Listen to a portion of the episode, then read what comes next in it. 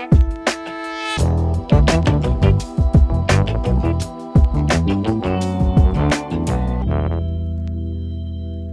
មជម្រាបសួរទស្សនិកជនទាំងអស់គ្នាសូមស្វាគមន៍មកកាន់កម្មវិធី podcast នៃជំនាញសិក្សានិងការងារដែលរៀបចំដោយសមាគមអតីតនិស្សិតអាហារូបករណ៍ Food Pride និងអាហារករ Food Sec ដែលយើងអាចហៅកាត់បានផងដែរថា Food Sec ដោយ podcast នេះយើងផងដែរមានការឧបត្ថម្ភដោយក្រុមហ៊ុនស្វ័យអសីតា ហើយ podcast នៅក្នុងថ្ងៃនេះផងដែរយើងនឹងទៅចែកពិភាក្សាគ្នាអំពីមុខជំនាញមួយដែលហៅថា visual effect ឬក៏ VFX ដែលមានការចូលរួមពីវាគ្មិនកិត្តិយសយើងមួយរូបដែលគាត់កំពុងធ្វើការក្នុងវិស័យនេះផ្ទាល់អញ្ចឹងកុំឲ្យខាត់ពេលយូរអញ្ចឹងស្វាគមន៍បងហេងលីនអាចថាបងជួយណែនាំខ្លួននិងការងាររបស់បងសប្តាហ៍ថ្ងៃទៅកាន់ទស្សនិកជនរបស់យើងបាទសួស្តីអ្នកនរគ្នាខ្ញុំបាទឈ្មោះហេងលីមដែលមានឈ្មោះក្រៅហៅថា Will សប្តាហ៍ថ្ងៃខ្ញុំធ្វើការ3មុខជំនាញជំនាញទី1គឺជា director ជំនាញទី2ហ្នឹងគឺជា visual effect artist ជំនាញទី3ហ្នឹងគឺជា cinematographer អញ្ចឹងថ្ងៃហ្នឹងខ្ញុំនឹងផ្ដោតទៅលើជំនាញ visual effect ដែលខ្ញុំធ្វើសប្តាហ៍ថ្ងៃបាទបាទអញ្ចឹងអរគុណបងច្រើនអញ្ចឹងមកខាត់ពេលយូរយើងចូលទៅកាន់ការពិភាក្សាមួយនឹងផ្ទាល់តែម្ដងបងអឺជាងសុំសួរបងតិចដោយសារថ្ងៃហ្នឹងយើងនិយាយពីមុខជំនាញមួយដែល បោះបងផ្ទាល់ហ្នឹងតើជា VFX តើមុខជំនាញ VFX ហ្នឹងជាមុខជំនាញមិនដែរបងអឺពាក្យថា VFX ហ្នឹងសម្រាប់មកពាក្យពេញគឺ visual effect អឺការងារហ្នឹងគឺធ្វើការធ្ងន់ទៅលើខាង computer graphic ដែលគេហៅថាការងារក្នុង post production អញ្ចឹងដូចថាគេថតវីដេអូហើយអញ្ចឹងទៅយើងយកវាមកកាត់តហើយយើងបន្ថែមអឺ environment បន្ថែម object ឬមួយក៏យើងអាចកាត់ green screen ពីក្រោយហើយមួយវិញទៀតហ្នឹងបើនិយាយខ្លីទៅអាចសម្រាយបានថាវាជា video manipulation ព្រោះជាទូទៅគឺយើងស្គាល់ថា Photoshop ពេល Photoshop គឺជាគេហៅថា image គេហៅថា manipulate image អីចឹងទៅតែបើសិនជាការងារនេះវិញគឺយើង manipulate ទៅលើ video អូចឹងនិយាយខ្លីទៅអាចថាមួយជំនាញហ្នឹងគឺយើងដូចទៅនឹង Photoshop ដែរគ្រាន់តែយើងកាត់តទៅលើវីដេអូមិនលើរូបភាពថាបង ហ្នឹងហ្នឹងអាចនិយាយឲ្យសម្រាយស្រួលស្ដាប់ប៉ុន្តែបើសិនជានៃចំមកវាអាចច្រើនជាងនឹងទៅតទៅទៀតព្រោះការងារហ្នឹងដែលភាគច្រើនយើងឃើញទៅលើ sport ពាណិជ្ជកម្មដូចធ្វើឃើញទៅលើរឿងនៅស្រុកគេដែលគេធ្វើថតនៅក្នុង green screen blue screen អញ្ចឹងគេកាត់តអា green អញ្ចឹងយកតួអង្គទៅដាក់នៅទេសភាពផ្សេងដាក់នៅកន្លែងផ្សេងភពភពផ្សេងអីចឹងតែអឺជាងសុំសួរការដែលបងរៀនតិចអឺ នៅពេលដែលបងសិក្សានៅមុខជំនាញនោះតើបងចំណាយពេលអាចថារយៈពេលមួយឆ្នាំដែរក្នុងការរៀនមុខជំនាញនឹងបងអឺមុខជំនាញហ្នឹងខ្ញុំអត់មានបានរៀននៅសាលាទេប៉ុន្តែខ្ញុំចូលចិត្តមុខជំនាញហ្នឹងដែលតាំងពីក្មេងមកអញ្ចឹងទៅខ្ញុំក៏សិក្សាស្រាវជ្រាវទៅតាមប្រព័ន្ធអ៊ីនធឺណិតមើលតាមផ្សេងមើលតាមរឿងបរទេសដែលគេធ្វើមកអញ្ចឹងទៅហើយអឺអឺសាលាវិញអឺ ខ្ញុំបានរៀននៅសាកលវិទ្យាល័យលឹមកុកវិញដែលកាលនោះមិនមែនផ្ដោតទៅលើខាង film making ឬមួយក៏ visual effect អីទេតែផ្ដោតទៅលើខាង graphic design ដែលមួយជំនាញនេះហៅថា multimedia ចំណេះថាយើងបងបានរៀននៅក្នុងសាលាហ្មងនេះថាបងបងអាចថាបងចាប់ជំនាញជា graphic design និង multimedia នៅសាលាលីមកវិញថាបងបាទបាទតែនៅពេលដែលបងចាប់ដើមដំបូងបងរៀនដំបូងបំផុតហ្នឹងមកដល់ឥឡូវហ្នឹងបងសិក្សារយៈពេលប្រហែលមួយឆ្នាំដែរនៅក្នុងមុខជំនាញហ្នឹងក្នុងមុខជំនាញ visual effect នេះខ្ញុំបានស្រាវជ្រាវហើយនឹងរៀនដោយខ្លួនឯងតាមអ៊ីនធឺណិតអស់រយៈពេលប្រហែល10ឆ្នាំហើយនោះដែរបងបាទ ពេលដែលបងសិក្សានេះគឺបងសិក្សាចាប់យកជំនាញ graphic design និង multimedia បងថាបាទបាទថាថានៅពេលដែលបងសិក្សា4ឆ្នាំហ្នឹងអាចថាមានមុខវិជ្ជាណាដែលនៅក្នុងអឺ graphic design និង multimedia ហ្នឹងអាចថាវាតាក់ទងឬក៏ relate ទៅនឹង VFX ហ្នឹងអត់បងអឺនិយាយទៅមុខជំនាញ graphic design ហ្នឹងអឺវាមានផ្នែកមួយចំនួនដែលជាគ្រឹះមូលដ្ឋានគ្រឹះនៃអឺ support នៅការងារ visual effect ដូចថា graphic design យើងមិនរៀនអំពីប្លង់ composition យើងមិនរៀនអំពី color theory យើងមិនរៀនអំពី shape shadow lighting អញ្ចឹងទាំងអស់ហ្នឹងសិតតែជាមូលដ្ឋានគ្រឹះដែលវាជួយ support ខ្ញុំដែរអញ្ចឹងដល់ពេលខ្ញុំដឹងប្រហែលហ្នឹងហើយខ្ញុំលោតចូលការងារធ្វើជា visual effect យើងអាចដឹងថាអូយើងកាត់តប្លង់ហ្នឹងយកតួអង្គយកទៅដាក់កន្លែងណាសំយើងដាក់ដើមឈើដាក់ភ្នំ ពណ៌នេះឬមួយក៏យើងមាន color មិនឲ្យមើលទៅ environment ហ្នឹងវា realistic អូខេបងចាអាចថាតួជាបងរៀនមុខជំនាញមួយដែលអត់តាក់ទងការងារបងសប្តាហ៍ជា VFX ហ្នឹងតែយ៉ាងណាក៏មានអាចថាជាមានជាមុខវិជ្ជាខ្លះអាចតាក់ទងខ្លះទៅនឹងការប្រើសប្តាហ៍របស់បងដែរថាហ្មងបាទបាទបើសិននិស្សិតតែគាត់អឺពេលដែលគាត់អាចថាចប់ទី12ទៅគាត់ចង់រៀននៅផ្នែកមួយនឹងតើ គាត់គួរតែត្រៀមអីខ្លះសម្រាប់អឺចាប់យកជំនាញមួយនឹងបងសម្រាប់បងផ្ទាល់អឺនេះចំពោះអឺយោបល់របស់ខ្ញុំទេអឺបើសិនជាសិស្សនិស្សិតដែលគាត់រៀនចប់ហើយគាត់ចាប់អារម្មណ៍គាត់ឆ្លាញ់ខាងហ្នឹងអញ្ចឹងអ្វីដែលគាត់ត្រៀមខ្លួនហ្នឹងគឺឧបករណ៍កុំព្យូទ័រដែលវាមានកម្រិតអឺហៅថា spec វាធំគួរសមដែរហើយគាត់គួរតែស្វែងយល់អំពីការគូអឺ ការហៅថាគាត់ក៏ត្រូវមានដងខាងគូគាត់ចេះ understand framing understand lighting and shadow ទាំងអស់ហ្នឹងបានគាត់ធ្វើការហ្នឹងទៅវាគេហៅថាវាអឺលទ្ធផលឆ្មោដូចមែនតែនស្អាតអីចឹងអញ្ចឹងយ៉ាងណាក៏នៅក្នុងនៅខាងនឹងផ្ទាល់ក៏យើងណាក៏ត្រូវចេះគូខ្លះខ្លះយើងត្រូវដឹងពីការគូមាន position មាន shadow មានអីដែរថានោះ ហើយអូមួយទៀតខ្ញុំសុំថែមមួយទៀតអាចនិយាយបានថាគាត់មើលរឿងឲ្យច្រើនពីព្រោះការងារហ្នឹងវាតកតងទៅនឹងអឺរឿងអឺអញ្ចឹងទៅបើគាត់មើលច្រើនគាត់ក៏បានគេហៅថា inspiration ចឹងទៅគាត់អាចយកអាហ្នឹងមកដើម្បីជា motivation ទៅសិក្សាឲ្យជ្រៅតទៅទៀតឲ្យខំប្រឹងនេះអឺចឹង បកទៅវិញតិចដោយសារបងបងបានថាបងបានសិក្សាប្រហែលជារយៈពេល10ឆ្នាំទៅលើមុខជំនាញមួយហ្នឹងបងក្នុងរយៈពេល10ឆ្នាំហ្នឹងបងជួបឧបសគ្គអ្វីខ្លះនៅក្នុងការសិក្សាមុខជំនាញមួយហ្នឹងបងអឺមុខជំនាញ visual effect ហ្នឹងអឺគឺវាទាមទារ resource វាទាមទារឧបករណ៍ច្រើនអញ្ចឹងទៅវាក៏ជាឧបសគ្គសម្រាប់ខ្ញុំដែរគឺថាយើងពិបាក នឹងការរកលុយដើម្បីទិញឧបករណ៍ដូចកុំព្យូទ័រធំកាមេរ៉ាល្អល្អហើយភ្លើងដើម្បីយកមករៀនស្វែងយល់ខ្លួនឯងអឺអញ្ចឹងនឹងឯឧបសគ្គហ្នឹងគឺលុយហើយអឺឧបសគ្គតទៅទៀតហ្នឹងគឺអឺការនេះខ្ញុំនិយាយការពីខ្ញុំរៀនដំបូងហ្នឹងគឺអត់តន់មានរៀមច្បងអត់តន់មានអ្នកកាយអ្នកធ្វើមុនអញ្ចឹងទៅគឺខ្ញុំរៀនហ្នឹងគឺគេហៅថារៀនតាមខ្លួនឯងគឺទៅដូចអត់មានទិសដៅទេអញ្ចឹងទៅដូចខ្ញុំឆ្ងល់អឺអូអានេះគេធ្វើមិន tracking នឹងគេធ្វើមិនគេ build 3D environment នឹងគេធ្វើមិនកម្មវិធីអីគេខ្ញុំអត់មានអ្នកសួរអត់មានអ្នកប្រាប់ទេប៉ុន្តែខ្ញុំគេហៅថាទៅកាហ្វេអ៊ីនធឺណិតឲ្យយើងការចំណងហ្នឹងគឺអ៊ីនធឺណិត YouTube ក៏ speed យឺតមែនតើ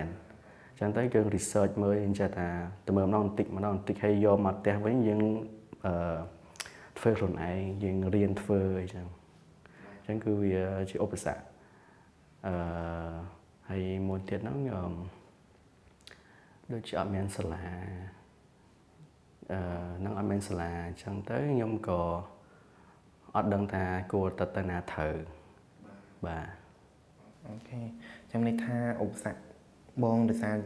ខ្វះអាចថាខ្វះថវិកាអត់មានហើយណាមួយយកអត់សាលាចឹងហើយយើងអត់មានអាគេសួរចឹងទៀតថាមកអញ្ចឹងសុំសួរបងថែមបន្តិចដោយសារតែថាបើមើលទៅក្រោយទៅយើងអត់ទាន់មានអាគេធ្វើការនៅក្នុងផ្នែកនឹងច្រើនចឹងបងតើសម្រាប់បងទៅបងតើមានកត្តាអ្វីដែលអាចជំរុញបងនៅទៅចាប់យកជំនាញមួយនឹងចឹងបងដោយសារតែក្តីស្រឡាញ់ការនឹងចំណងចំណុចចិត្តហើយក៏មានចិត្តមួយគិតថាចង់បង្កើតរឿងខ្លួនឯង ពីព្រោះខ្ញុំគិតថានៅស្រុកខ្មែរយើងអឺអត់សូវមានរឿងអឺណាដែល involve ទៅក្នុងអា graphic CGI នឹងច្រើនហើយគប់ផ្សំទៅនឹងខ្ញុំមើលសភៅរឿងខ្មែរបុរាណខ្មែររឿងព្រេងអីទៅខ្មែរយើងគឺមានរឿងច្រើនមែនតើដែលអត់តន់មានអ្នកធ្វើអញ្ចឹងទៅខ្ញុំគិតថាបើសិនខ្ញុំចេះអាហ្នឹងខ្ញុំមានឱកាសខ្ញុំនឹងធ្វើរឿងទាំងអស់ហ្នឹងឲ្យចេញពីសភៅមកអញ្ចឹង អឺតរការងាររបស់បងសប្តាហ៍នេះបងអាចឲ្យបងជួយអឺប្រាប់ត្រួសត្រាសពីអត្ថប្រយោជន៍សកម្មភាពរបស់បង ធ្វើការរាល់ថ្ងៃតិចបានបងការងារ visual effect ហ្នឹងសប្តាហ៍ថ្ងៃគឺខ្ញុំធ្វើទៅលើ sport ប្រជាកម្មអដែលចាក់តាមទូរទស្សន៍ខ្ញុំធ្វើទៅលើ short film ហើយខ្ញុំធ្វើទៅលើ feature film ដែលចាក់នៅតាមរោងកុនដូចគ្នាអញ្ចឹងប្រភេទការងារហ្នឹងគឺទាមទារឲ្យខ្ញុំទៅលើ on set ពេលដែលថតដាក់ green screen ដែលត្រូវកាត់ចេញហើយយើងពិភាក្សាជាមួយនឹង director ថាគាត់ចង់បានប្លង់របៀបម៉េចគាត់ចង់បានអីគេនៅពីក្រោយតួហ្នឹងហើយពេលខ្លះការងារហ្នឹងដូចអឺ sport បច្ចេកកម្មហ្នឹងថតទៅវាជាប់ឡានមួយក៏មេឃអត់តន់ស្អាតអីចឹងទៅខ្ញុំជាអ្នកដែលត្រូវតាបន្ថែមនៅក្នុង post production ហ្នឹងចឹងខ្ញុំត្រូវថែមមេឃឲ្យពពកស្អាតខ្ញុំថែមដើមឈើ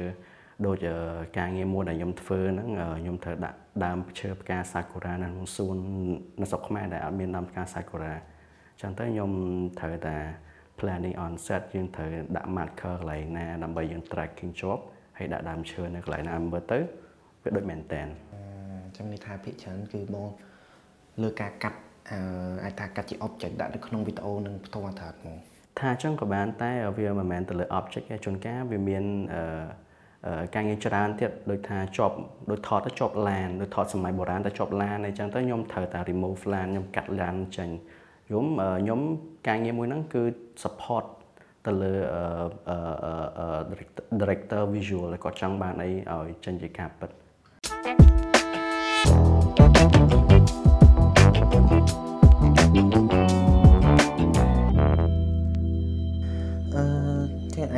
ទៅរៀងលំបាកច្រើនដែរបងថាអញ្ចឹងអញ្ចឹងសួរបងផ្ទាល់ហ្មងថាតើអ្វីជាអាចថាជាឧបសគ្គនៅក្នុងការធ្វើការថ្ងៃហ្នឹងបងអឺឧបសគ្គរាល់ថ្ងៃហ្នឹងគឺធំផុតហ្នឹងទៅលើ budget អឺពីព្រោះអឺយើងអត់ compare ថាយើងមិនល្អមិនទេតែគ្រាន់ថា budget ទៅលើ project មួយមួយ គឺវាអត់មានតម្លៃណាសមរម្យសម្រាប់ការងារ មិនមែនខ្ញុំមិនមែនប្រោតថាមកមកផ្នែកឥឡូវខ្ញុំនិយាយថា in in general ហ្មងគឺផ្នែកផលិតហ្នឹងគឺក្រុមការងារអត់សូវបានអត់សូវបានទទួលតម្លៃឲ្យទេហើយក៏តម្លៃខ្លួនហ្នឹងក៏វាអត់សមរម្យដែរអញ្ចឹងទៅវាជាឧបសគ្គដែរដោយថាយើងខំប្រឹងចំណាយពេលមួយថ្ងៃទល់ល្ងាច stand អ្នកខ្លះនៅដល់យប់តោភ្លឺអីចឹងហើយគាត់ pay បានតែប្រហែលដែលគាត់អត់សម នឹងយកទៅមើលជំងឺយកទៅទិញឧបករណ៍យកទៅអី upgrade ហើយអញ្ចឹងទៅអ្នកខ្លះមក complain ថាអឺស្រុកខ្មែរមិនក៏អន់ម៉េះអត់មាននេះអត់មាននោះដោយសារតែអឺយើង pay គាត់បានតែប្រហែលហ្នឹងហើយគាត់យកលុយទៅមើលជំងឺអស់បាត់ហើយគាត់អត់មានអីដើម្បីទប់ផ្គត់ផ្គង់ហើយនឹង improvement អីផងហ្នឹងអញ្ចឹងហ្នឹងគឺជាឧបសគ្គធំចំពោះផ្នែករបស់ខ្ញុំ ហើយឧបសគ្គមួយទៀតហ្នឹងអត់សូវមានអ្នកយល់ដឹងពី visual effect ហ្នឹងក៏អត់ដឹងថានឹងជាអីគេទេខ្ញុំខ្ញុំអត់យល់ថាវាសម័យអ៊ីនធឺណិតគ្រប់គ្នាមានអ៊ីនធឺណិតអាច research បានទាំងអស់ដឹងតែគ្រប់គ្នាអត់នៅតែអត់យល់ថាហ្នឹងជាអីគេជាក់លាក់ហើយអត់ឲ្យតម្លៃតែឲ្យតម្លៃទៅលើតួខ្ញុំនិយាយហ្នឹងមិនមែនចង់មកន័យថាខ្ញុំអឺថាឲ្យផ្នែកណាមួយមួយណាតែគ្រាន់តែនិយាយពីពី perspective របស់ខ្ញុំជាអ្នកធ្វើរាល់ថ្ងៃវាអត់សូវបានតម្លៃឲ្យ ចឹងទៅវាពេលខ្លះទៅយើងក៏ upset ខ្លះយើងអត់សប្បាយចិត្តទៅលើការងារហ្នឹងចឹងអាទាំងអស់ហ្នឹងសុទ្ធតែជាឧបសគ្គអញ្ចឹងអាចនិយាយថាដោយសារឥឡូវយើងខ្វះអាចថាខ្វះជាការ support ពីអ្នកដែលគាត់មើលឬក៏អ្នកដែលគាត់ជួលយើងធ្វើជាមានជា project មានអីចឹងយើងអត់សូវមានការ support ពីពួកគាត់អញ្ចឹងអាចថាជាឧបសគ្គមួយសម្រាប់បងផ្ទាល់ អូខេអញ្ចឹងសម្រាប់ពេលបងប្រឡូកចូលវិស័យនឹងដំបូងវិញបងឆ្លាញ់គេជាងគេវិញណាសម្រាប់នៅក្នុងពេលដែលបងប្រឡូកចូលការងារវិញដំបូងហ្នឹងអឺពេលដែលខ្ញុំចាប់តាមធ្វើដំបូងហ្នឹងអឺផ្នែកដែលខ្ញុំឆ្លាញ់ហ្នឹងគឺពេលណាដែលយើងថតហើយយើងយកមកធ្វើវាយើងដូចធ្វើក្នុងកុំព្យូទ័រហ្នឹងវាចេញជាអ្វីដែលយើងចង់បានដោយការពីដំបូងដែលខ្ញុំរៀនហ្នឹងខ្ញុំថតខ្លួនឯងខ្ញុំខ្ញុំសិតតែ practice ឲ្យ experiment ខ្លួនឯងណាខ្ញុំថតខ្លួនឯងទៅខ្ញុំយកកាត់យកទៅដាក់នៅកន្លែងផ្សេងដាក់នៅ environment ផ្សេងបើអញ្ចឹងខ្ញុំថតអាគារអញ្ចឹងទៅខ្ញុំលុបខ្ញុំថែមរូប graffiti លើអាគារហ្នឹងដល់ពេលវាចេញជាលទ្ធផលមកវាវា pay off សម្រាប់ខ្ញុំដែលខ្ញុំចូលចិត្តអញ្ចឹងខ្ញុំមើលទៅថាអូ wow អាហ្នឹងគេធ្វើអញ្ចឹងហ៎អញ្ចឹងវាជាផ្នែកដែលខ្ញុំស្រឡាញ់ដែលដែលធ្វើខ្ញុំ keep going រហូតថា អូអាហ្នឹងគេធ្វើអញ្ចឹងអញ្ចឹងបើតទៅទៀតដូចខ្ញុំមើលរឿងស្រុកគេទៅខ្ញុំថាអូខ្ញុំធ្វើបានដែរខ្ញុំព្យាយាមធ្វើដែរធ្វើដែរធ្វើដែរអញ្ចឹងវាគេហៅថាដូចត្រាក់អញ្ចឹងយើងញៀនណាគេថាអូអាហ្នឹងគេធ្វើអញ្ចឹងស្អាតអញ្ចឹងគេធ្វើចេះទៅវាចេញអញ្ចឹងដែរវាវាមិនដូច100%ហើយប៉ុន្តែវាវាជា something ដែលយើងសប្បាយចិត្តអញ្ចឹងយើងស្រឡាញ់អាពេលដែលលទ្ធផលចេញមកហ្នឹង អឺចឹងអាចថាបើសិក្សាទៅតែគាត់រៀននៅផ្នែកជំនាញ GVFX ហ្នឹងបងអញ្ចឹងពេលដែលគាត់អាចរៀនចប់ឬក៏គាត់រៀនចេះច្រើនពីផ្នែកមួយហ្នឹងតើសម្រាប់ការងារហ្នឹងតើមានប្រភេទការងារអ្វីខ្លះដែលគាត់អាចនឹងទទួលបានបងអឺបើគាត់រៀនខាង visual effect ហ្នឹងពេលដែលគាត់ចេះទៅគាត់អាចទទួលការងារភាគច្រើននៅក្នុងវិស័យ media អញ្ចឹងក្នុងហ្នឹងវាមានប្រភេទដូចជា video vlog sometime ឥឡូវគេត្រូវការដែរអញ្ចឹងយើង time effect time អីជា short film ជា feature film អឺការងារប្រភេទ sport ពាណិជ្ជកម្មការងារប្រភេទ video promotion យំអត់តែតតងទៅលើផ្នែកប្រព័ន្ធផ្សព្វផ្សាយហ្នឹងគឺអឺជាការងារដែលគាត់អាចទទួលបានគាត់ធ្វើតែថាពីច្រើនគឺជាវីដេអូពីចឹងគឺបែលើវីដេអូហ្មងហ្មងថា ជាខាងទៅខាង media ខាងអីត្រូវច្រើនបាទបាទបាទអូខេអរគុណអឺសម្រាប់អាចថាជាបរិបទការងារឬក៏ working environment ហ្នឹងបងតើយើងអាចថាសិស្សគាត់គួរតែដឹងអ្វីខ្លះមុនពេលដែលគាត់ចូលប្រឡូកក្នុងវិស័យការងារហ្នឹងបងយល់ទៅខ្ញុំនិយាយតាមបបពិសោធន៍ដែលខ្ញុំពួកខ្ញុំអាចរៀនបានពីសាលាដូចគ្នាអញ្ចឹងទៅខ្ញុំអាច recommend បានហ្នឹងគឺភាគច្រើនគឺ commitment ហើយជាមួយនឹងការ focus self learning តាម internet ពីព្រោះខ្ញុំគិតថាសម័យនេះ internet គឺ open source មានរៀនច្រើនមែនតើអត់ដូចការជំនាន់មុនទេអញ្ចឹងបើសិនជាយើងដាក់ចិត្តរៀនយើងអាចគ្រាន់តែចូល YouTube មក plate យើង search ប៉ាំងប៉ាំងមកចេញមកសិតតែមេរៀនមកទាំងអស់យើងចំណាយពេលតែប្រហែលមើលយើងធ្វើក៏យើងអាចចេះបានដូចគ្នាហើយបើគាត់គិតថាអូអ៊ីនធឺណិតវាច្រើនពេកវាអត់មាន direction អឺ ខ្ញុំគិតថាគាត់អាចស្វែងស្វែងរកព្រាមច្បងគិតថាឥឡូវផាជាមានអ្នកចេះដឹងមួយចំនួនដែរគាត់អាច message សួរគាត់ទៅថាខ្ញុំចង់រៀនផ្នែកខាងនេះគួរធ្វើម៉េចព្រោះឥឡូវហ្នឹងមិនដូច5មុនទេអ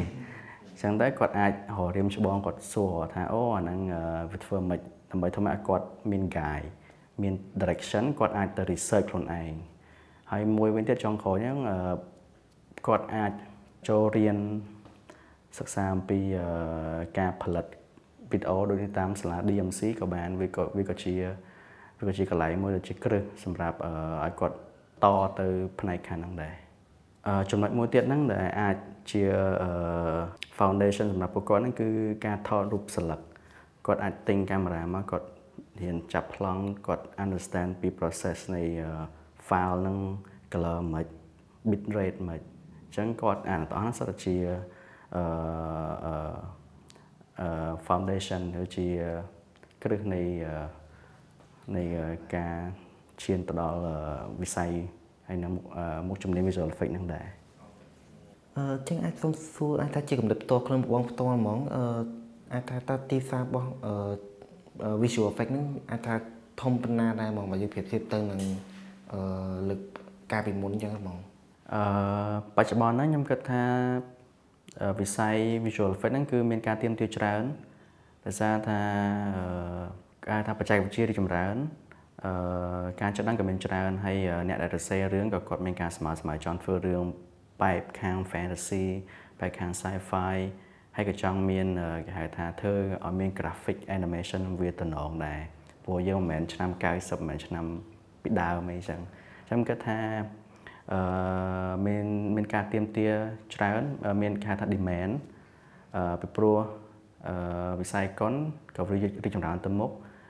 ការថតវីដេអូ sport ពាណិជ្ជកម្មក៏មានច្រើនហើយឥឡូវមួយទៀតក៏វាមានផ្នែកមួយទៀតដែលវាទៅកើតឡើងគេហៅថា vlog vlog ហ្នឹងដូចឃើញក្មេងៗថតកាត់តអញ្ចឹងគេត្រូវការអ្នកធ្វើ graphic ឲ្យវាមាន funny sound មាន funny effect អញ្ចឹងតើអស់សិតតែជាតម្រូវគេហៅថា តើអស់សិតតែជា demand ដែលបច្ចុប្បន្ននឹងមានអញ្ចឹងបើគាត់រៀនខាងហ្នឹងគាត់ក៏អាចមានឱកាសធ្វើការច្រើនដូចគ្នាតែបើបើនិយាយថាទៅអនាគតវិញមកប្រហែលជា2ឬក៏ទៅ5ឆ្នាំទៅមុខទៀតហ្នឹងថាបងមើលគិតថាទីផ្សារឬក៏តម្រូវការរបស់ visual effect ហ្នឹងនឹងកើនឡើងប៉ុណ្ណាដែរហ្មងបើសិនជានិយាយទៅអនាគតខ្ញុំគិតថាវា5ឆ្នាំទៅ10ឆ្នាំទៀត អឺវានឹងមានច្រើនអឺហេតុអីដែលខ្ញុំគិតខ្ញុំផ្ដោតទៅលើទីមួយគឺអឺចំណេះដឹងហ្នឹងគឺវា free វា open កាន់តែច្រើនហ្នឹងហើយមនុស្ស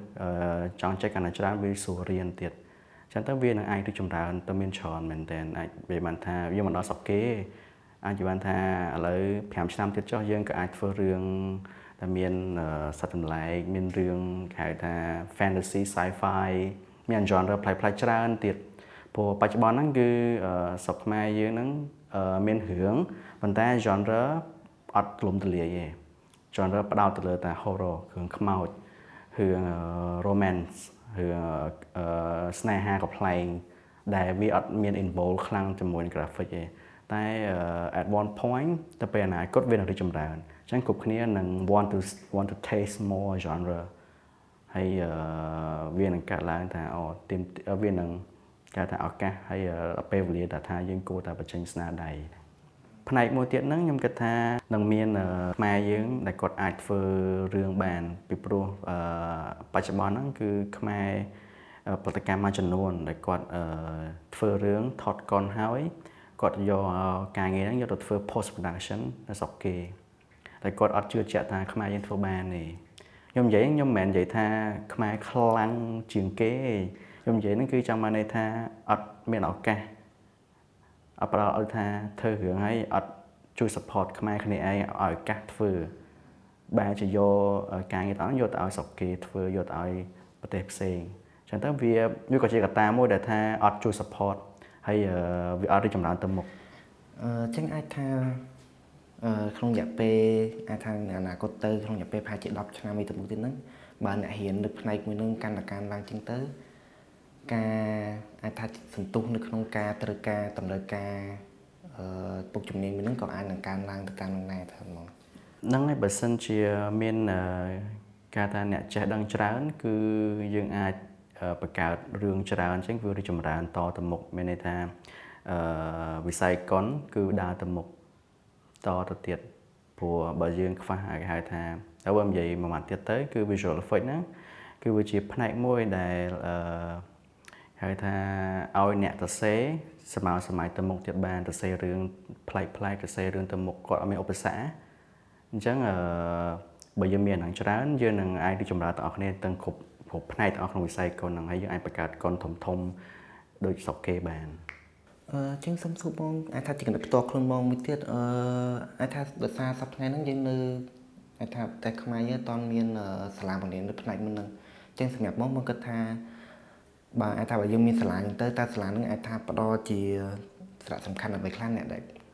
ដល់អ្នកដែលគាត់ចង់រៀននៅផ្នែកមុនហ្នឹងបងខ្ញុំគិតថាបើសិនជាមានសាលាគេបើកសាលាធំហើយ focus ដែលផ្ដោតទៅលើជំនាញហ្នឹងខ្ញុំគិតថាវាប្រសើរវាល្អច្រើន ពីព្រោះវាថែមគេហៅថាថែមជំនាញថែមអឺ resource ទៀតទៅលើផ្នែកហ្នឹងព្រោះសពថ្ងៃយើងអត់មានទេអញ្ចឹងបើសិនជាយើងមាន គឺយើងអាចគេហៅថាថែមតបថែមកម្លាំងទៀតយើងបដោតទៅលើវិស័យកុនទៅទៅមុខកាន់តែខ្លាំងតទៅទៀតអញ្ចឹងបើមាននេះខ្ញុំក៏សប្បាយចិត្តដែរ ចឹងអាចថាដោយសារយើងថ្ងៃយើងអត់តន់អាចថាមានជាសាលាសម្រាប់បង្រៀននៅក្នុងប្រទេសខ្មែរយើងចឹងបងអាច recommend ឬក៏មានបងស្គាល់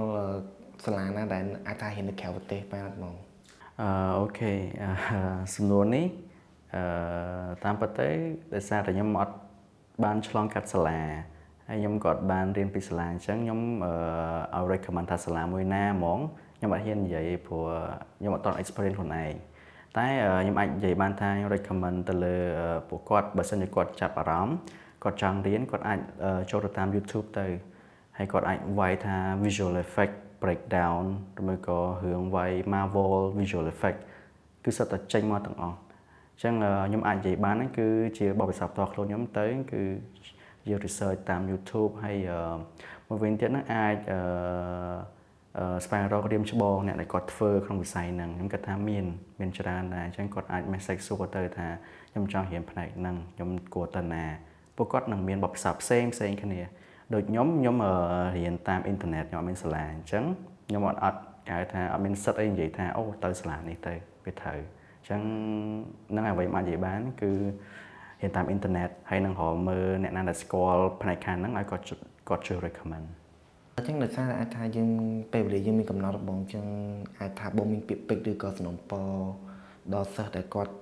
អាចថាចង់រៀននៅមុខជំនាញមួយហ្នឹងបងទីចុងក្រោយនេះខ្ញុំគិតថាខ្ញុំមានជា suggestion ទៅពួកគាត់បើសិនជាគាត់ឆ្លាញ់ខាងវិស័យកុនវិស័យថត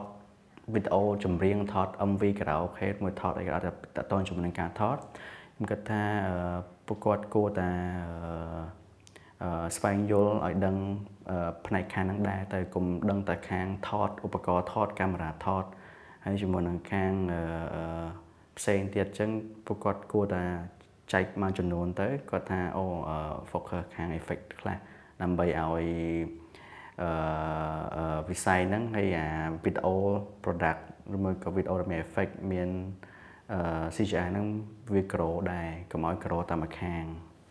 អញ្ចឹងអរគុណដល់បង Helen ដែលបាន